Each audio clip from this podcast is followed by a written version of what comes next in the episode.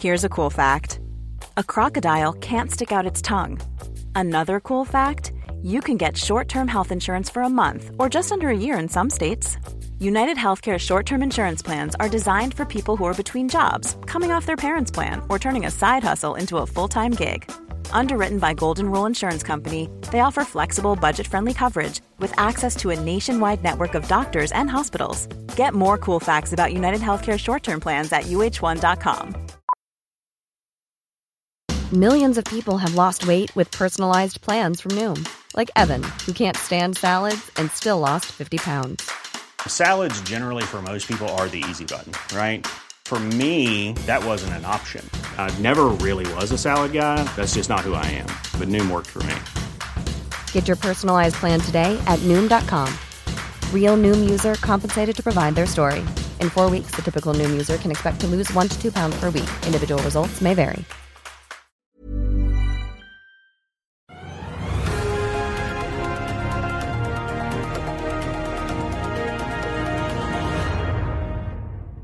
Påskeuken er i gang, og vi skal ta et litt overblikk over markedet nå som første kvartalstallene nærmer seg med stormskritt. Og eh, Finansmarkedene har jo fått seg noen ordentlige sjokk i år. Både gjennom energikrisen som begynte å skvise på allerede fra i fjor høst, og deretter krigen i Ukraina. Og for å sette alt i perspektiv og ikke minst gi oss noen eh, heads up om hva vi kanskje bør følge med på når regnskapene for alle børsnoterte selskapene tikker inn etter hvert i de kommende ukene, har vi fått besøk av analysesjef Jørgen Bruaseth i Nordea Markets. Velkommen og god påske. Takk skal du ha. Takk for det. Ja, eh, Vanligvis så er det jo fjerde kvartal hvor veldig mange av selskapene gjør opp regning, kommer med prognoser for året de står foran. Det tikker jo da inn i januar-februar, kanskje litt ut i mars som regel.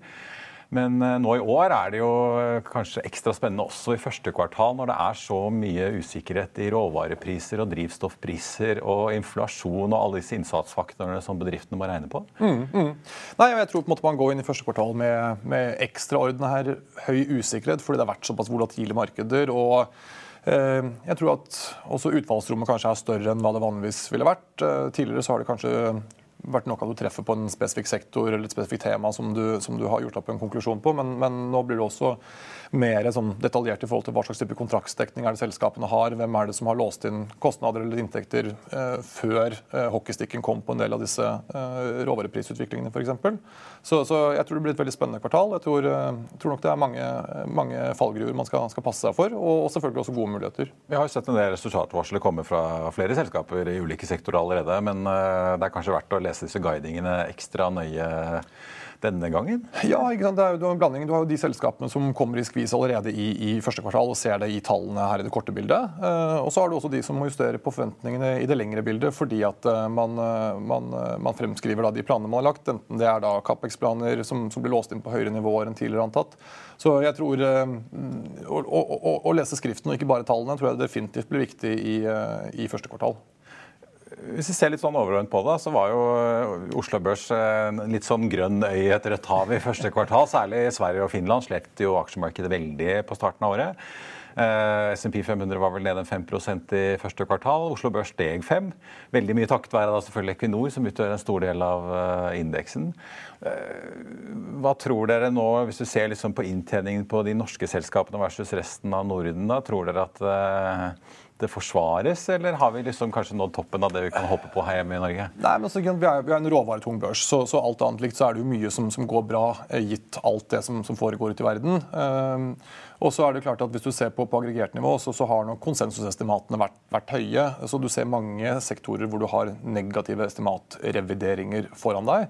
Uh, men det er klart at de to store eksportvarene vi har her i Norge, med både sjømat og med, med olje og gass, det det går ekstremt godt. Eh, og så har du jo da selvfølgelig svenskene som har mer varehandel og produksjon, som står seg vanskeligere eh, med, det makroklimaet som vi har nå. Men vi har jo også en del norske selskaper som er eksponert mot mye av de samme, samme trendene. Da. Så det er klart at både med dårligere husholdningsøkonomi på inflasjon, egentlig på, på hele handlekurven du, du, tar med deg hjem, eh, strøm, bensin osv., så, videre, så så tror jeg vi kommer til å se effekter av dette her i, i Norge også i, i, i de kommende kvartalene skal vi ta liksom, vi begynner med den inflasjonen, da, så kan vi ta disse litt ulike sektorene vi har av ulike bransjer etterpå. Inflasjonen gjør jo at altså, vi har hatt en vridning fra tech-aksjer over i, og vekstaksjer generelt over i mer sånn verdiaksjer. Veldig mye pga. forventningen om stigende renter. Nå har vi liksom krig og høye energipriser i tillegg, og en veldig høy inflasjon i eurosonen og USA hvor er, de, liksom, er det noen sånn trygge havner, da? Det snakkes jo ofte om liksom sånn Orkla og Telenor og litt sånn trause, men de har jo ikke gjort det så bra, mange av de typiske litt sånn defensive aksjene heller. Nei, og det som jeg sier, det, det, det handler jo litt om timing på ting. Når får du justert prisene dine, når har du låst inn varekostnaden din osv. Så, videre. så Så det er ikke helt uh, rett frem. Det er klart For, for olje- og gasselskapene så går det ekstremt godt. Uh, man kommer jo inn i uh, den situasjonen som du har i, i, i Ukraina, som selvfølgelig har lagt en risiko premien på, på, på, olje eh, med et underliggende stramt marked. Så det var jo høy oljepris allerede før dette her spilte seg ut. Mm. Eh, og Man hadde fått styrket balansene, man hadde rettet opp utbyttekurvene som ble kuttet når korona kom. Så du kom jo inn egentlig i en veldig sterk posisjon med dette her, og så får du nå en sykkel med, med superprofitt. Hvor lenge det kommer til å, å, å, henge ved, blir jo selvfølgelig litt sånn spørsmål om hvor, hvor, hvor lang er en strikk. Altså På et eller annet tidspunkt så så, så, går det jo ut det punktet hvor du har demand destruction og, og etterspørselen eh, rammes eh, hardt av det. Men, eh, men, at det kommer til å bygge seg opp gode kontantposisjoner på balansene for oljeselskapene, det, det, det, gjør seg klart. Og, og, det spiller seg da ut i både høyere investeringsappetitt, som renner ned på, på underleverandørene, men også eh, mulighet for ekstraordinære utbytter og, og, og, utdeling til aksjonærene. Ja, Hva er synet deres på disse oljeleverandørene? da? Nå har vi jo sett Røkkes Aker benytter sjansen og Hightech Vision ville selge Aker Solutions og kjøpe litt aksjer. Eh, er Røkke inne på nå, hvis du ser på sektoren litt uh, bredt? Altså, jeg tror man skal skille litt mellom det som skjer på norsk sokkel og det som skjer ute i verden. Altså, på norsk sokkel så, så, har man jo levd godt at du har den skattepakken uh, som, som, ble satt i gang etter at koronautbruddet først kom. Uh, som har jo stimulert mye aktivitet, og du fast-tracker mye av de utbyggingsprosjektene som er på norsk sokkel. Så, så, det er jo ekstremt positivt i seg selv. Og så kommer det da selvfølgelig eh, ekstra lønnsomhet og, og, ekstra kontantstrøm på toppen av, av, dette her. Så investeringsappetitten den er jo på vei opp. Eh, og så tror jeg kanskje fra et sånt eh, politisk perspektiv eller et stakeholder management-perspektiv at uh, diskusjonen rundt det å øke investeringstakten også endrer seg noe. Altså hele ESG-debatten har jo blitt litt smartere, litt mer sofistikert med, med tiden. Uh, og vi ser jo også det at det er jo en del sånn aksjonærhensyn som ikke er helt risset i sten. Altså for så er det jo da en del svenske fond som begynner å åpne opp for å kjøpe forsvarsmateriell, gitt det som skjer i Europa i øyeblikket. Så, så som et oljeselskap hvor du tidligere har følt at du må skru ned på investeringstakten din fordi at det er det riktige å gjøre i i forhold til det kapitalmarkedet og taksonomien ønsker av deg, så ser vi jo nå at energiuavhengighet kommer høyere på agendaen, og at den ESG-debatten i hvert fall dreies noe. da. Så jeg tror kombinasjonen... Litt mer stuerent å snakke om Capex i olje og gass? Litt, ja. litt, mer stuerent, og, og, kombinasjonen av da selvfølgelig at du har en ekstremt lønnsom eh, utbyggingsportefølje, og du har sterk balanse. og Hvis det da i tillegg også blir litt mer spiselig, så er det jo lett å, å heller trykke litt på gassen enn litt på bremsen.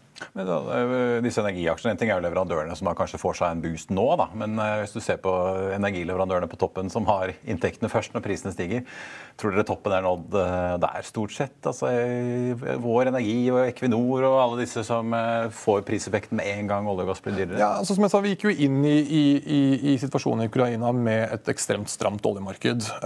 Og så ser du jo også det at Markedet har jo også dekoblet seg litt fra, fra spotprisene i, i, råvarene. så det er jo ikke sånn at det er fullt ut diskontert inn i, i hva markedet tror på at skal være middel long term. Eh, oljepris, men at eh, vi kommer til å være på, på nivåer som har superlønnsomhet i, i, både det korte og det mellomlange bildet, det, det, det tror vi på. Du nevnte jo den andre store eksportvaren eh, vår, da, som er laks og sjømat. Ja. det har jo vært ganske gode laksepriser. Eh, vi ser jo det skjer en, det rører seg en del ting på strukturene i bransjen med, med SalMar og NRS og NTS og alle disse Movi som plutselig kom med et bud. Altså de driver åpenbart også og regner litt på kammerset over hvordan de skal drive fremover. Hvordan ser dere på laks fremover? da? Får, rammes de av dyrere fòrkost? fôrkost? Altså, det, er jo et veldig sånn sammensatt spørsmål. Uh, og, og, og lakseanalytikeren vår er jo strukturelt ekstremt positiv på, på, på utsiktene på, på laksepris. Og det vi ser er at Laksepris stiger jo mer enn kostnadsbasen av primært fôr som blir jo, følger jo opp med den kostnadsinflasjonen som du ser i matvarebildet. Eh, men pga. Et, et lite biomasse og underliggende stramt marked og god etterspørsel, så, så, stiger prisene mer. Så vi tror jo at på generell basis at, at oppdretterne absorberer den, den kostnadsinflasjonen som de får på fôr i bunn.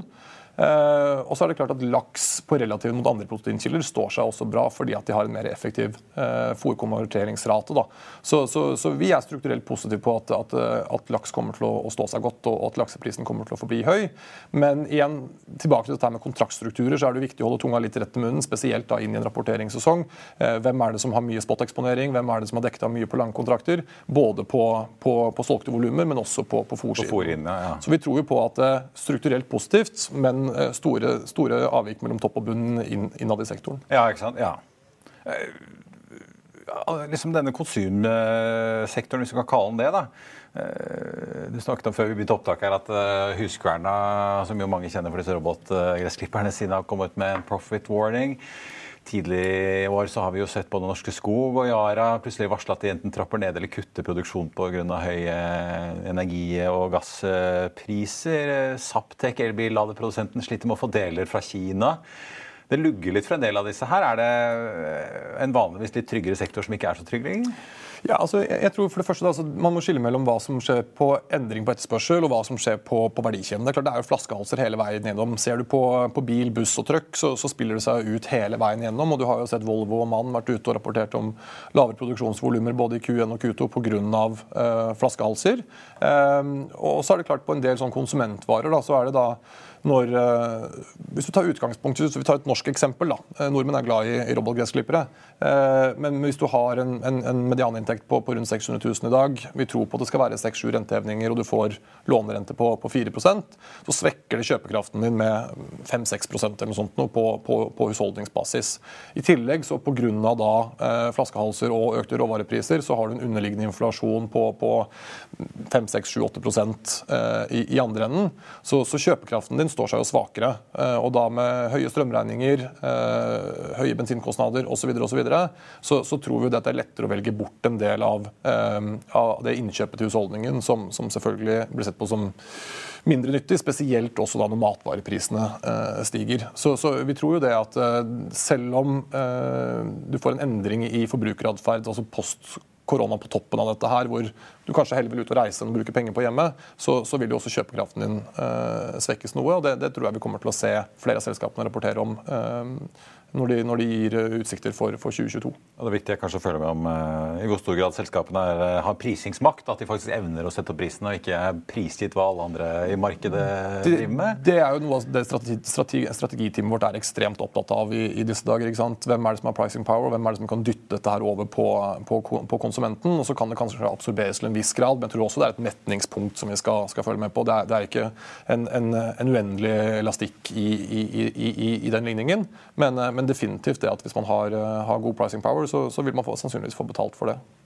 Disse stakkars eh, vekst- og tech- og ESG-aksjene, mange av de, vi har jo sett liksom, eh, en del av disse Aker-selskapene, Skatek, gikk jo noe voldsomt etter liksom, den verste knekken i 2020. Og så nådde de en topp for et drøyt år siden i 2021. Og mange av de, disse aksjene har jo falt noe voldsomt. Mm. Og Kahoot er jo et annet eksempel hvordan leser dere sentimentet for den type aksjer nå? da? Når man snart en bunn for disse vekstaksjene? Altså, hvis du tar, tar um, fornybarsektoren, som er noe jeg bruker min tid på, så, så, er det klart at du var jo på et nivå der hvor det var forventninger om veldig mye vekst som lå til grunn for verdsettelsen av, av, av sektoren. Og så har du kommet til et punkt hvor du har trukket det tilbake til at det handler mer om å, å prise dagens portefølje, kanskje en liten vekstopsjon på toppen. Uh, så det er klart at uh, selv om markedet kanskje foretrekker value over growth som, som, tema i dag, så tror jeg likevel at man skal eh, ha øynene opp for, uh, for, vekstsektorer hvor det er underliggende støtte på, uh, på verdi. Og så er det jo klart at hvis Europa skal få til en brøkdel av det de sier rundt energipolitikken sin fremover, så, så, kommer det til å investeres tungt både i fossilt og også i fornybart. og så ser man kanskje en dreining mot at i 2020 og 2021 så var det veldig stor appetitt på smal eksponering på teknologi, mm, på, på fornybar fornybart, men du nå kanskje ønsker et mer hagleskudd og, og skyte på en bredere portefølje og, og en mer integrert tilnærming til, til, til energi. Da. Så, så, eh, jeg tror jo egentlig det at man kan få litt i pose og sekk på, på både på det grønne og på det, på det sorte. Ja. Men, eh, ja. Men altså på, hvis du ser på disse teknologiaksjene, da er det hva er synet deres der? At nå vil vi liksom begynne å se litt oppgang i Jeg, altså jeg nevnte jo Kahoot, men det er bare ett eksempel av mange. Ja, og, og, og klart, Dette blir jo, blir jo rentesensitivt. ikke sant? I den Ja. grad det er vekstselskaper med mye kontantstrømmer som ligger langt ute, så skal vi også ha en reprisning når, når lange renter stiger. Det, det er på en måte sånn ligningen fungerer. Så jeg tror ikke det at uh, hvis du Ser liksom hvis- ytterligere, ytre nedside i disse Hvis du ser på hva industrien gjør, så er det ingenting som tyder på at industrien for eksempel, eh, trekker tilbake investeringstakten sin på, på digitalisering. Uh, altså De store trend- trendene og de store linjene de, de fungerer jo fremdeles. Eh, men, eh, men at man får en reprisning fra den euforien vi hadde i, i 20 og 2021, det, det tror jeg man eh, i, i bakspeilet ser som helt naturlig når du også ser på, på hvordan rentebildet har utviklet seg. Til slutt, eh, sånn overordnet, hva er det, hva er det liksom dere følger mest på av de som liksom de store jokerne? Du nevnte jo det å ha liksom prisingsmakt i markedet, åpenbart. Er det noen andre sånne gjengangere, uavhengig av sektor, som er liksom det store? Er det hva oljeprisen er, eh, om det er ytterligere renteøkninger fra Fed i USA eller ikke? Eller? Jeg tror, jeg tror Et tema som, som vi snakker mye om, er selvfølgelig likviditet. Altså jeg tror For investorene så har det å ha, handle likvide papirer har jo blitt eh, signifikant viktigere med den markedsutviklingen som du har hatt nå, enn hva det var, var tidligere. Og kanskje også forklare noe av reprisningen som du sier, på disse høyvekstselskapene, som har vært relativt små selskaper med lite likviditet. Så, så økt likviditet i papirene som handles, det, det tror jeg er viktig for investorene. Som blir jo en teknikalitet. Og så tror jeg da som sagt prisningsmakt er, er viktig. Og jeg tror også det at fokus på balanse. eh, fordi at når rentene stiger, så er det jo ikke bare regnestykket som endrer seg, men refinansieringskostnadene vil jo også øke. Så, så eh, kvalitetsselskaper med, med god balanse, det tror jeg også eh, det, det går ikke av moten, selv om markedet skulle være litt luggete. Nei, det er dyrt, dyrt å være fattig som dette. Det gjelder for bedriftene òg. Og disse CFO-ene, Jørgen Bråseth, analysesjef i Nordea, takk skal du ha, og fortsatt god påske. Takk for det. Det var det vi hadde for deg i denne sendingen. Vi er tilbake med ordinære sendinger her på tirsdag 19. april. I mellomtiden får du selvfølgelig som alltid siste nytt på fa.no. Mitt navn er Marius Lorentzen, og fra alle oss her i Finansavisen ønsker vi dere en riktig god påske. Takk for at du så på, og så håper jeg vi ses snart igjen.